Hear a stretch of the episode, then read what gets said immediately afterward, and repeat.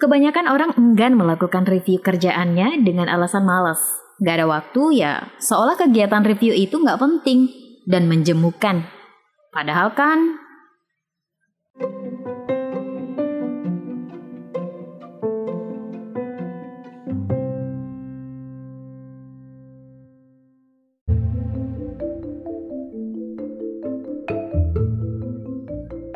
Episode ini adalah bagian dari tantangan 30 hari bersuara 2022 yang diselenggarakan komunitas The Podcasters Indonesia. Banyak pekerjaan yang membutuhkan evaluasi setelah diselesaikan oleh sebuah tim, baik itu hasil syuting, rekaman, atau event off air sekalipun. Gunanya untuk mengetahui sejauh mana tim bekerja dan memberikan impact positif juga mengagumkan pada pekerjaannya. Review itu kadang menyebalkan. Gak jarang membuat seorang karyawan yang direview atasannya kesel dan ngerasa seperti dibongkar aib atau kesalahannya pada saat bekerja. Apalagi kalau reviewnya di depan rekan kerja satu tim. Malunya nggak bisa dilukiskan saking indahnya.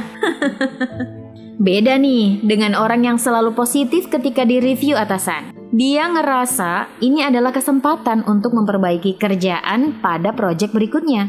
Untuk mencapai hasil yang diinginkan perusahaan, kritik dan masukan sangat diperlukan supaya tahu bagian mana yang salah dan harus diperbaiki. Kalau mentor broadcast gue bilang, review itu bisa meningkatkan kualitas diri dengan mengetahui apa aja poin yang dirasa kurang atau salah dalam bekerja maka kita bisa memperbaikinya dan meningkatkan yang sudah bagus. Misalnya nih, gue kan seorang penyiar. Wawancara narasumber durasi 10 menit. Selesai siaran, gue biasanya review hasil wawancara gue bersama mentor. Langsung deh tuh, dikasih masukan. Wawancara gue, openingnya udah bagus. Pertanyaan pertama udah cocok. Tapi pas pertanyaan kedua dan ketiga, itu bisa dibahas belakangan.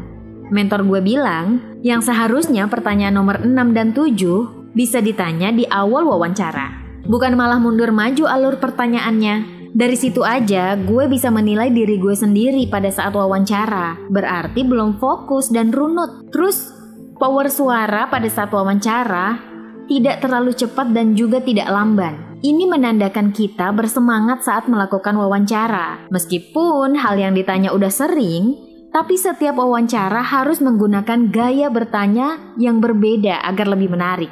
Dan tahu nggak guys, dampaknya itu bisa gue rasain setelah tiga bulan. Setelah di review, tertanam aja gitu di otak gue kalau ini tuh salah. Ini tuh kurang tepat. Gue harusnya gini. Yang itu gak usah ditanyain. Hasilnya gak usah ditanya lagi. Bagus udah pasti. Iler suara hilang dan lebih tegas, tepat, dan akurat. Gak percaya? Mampirlah ke YouTube gue.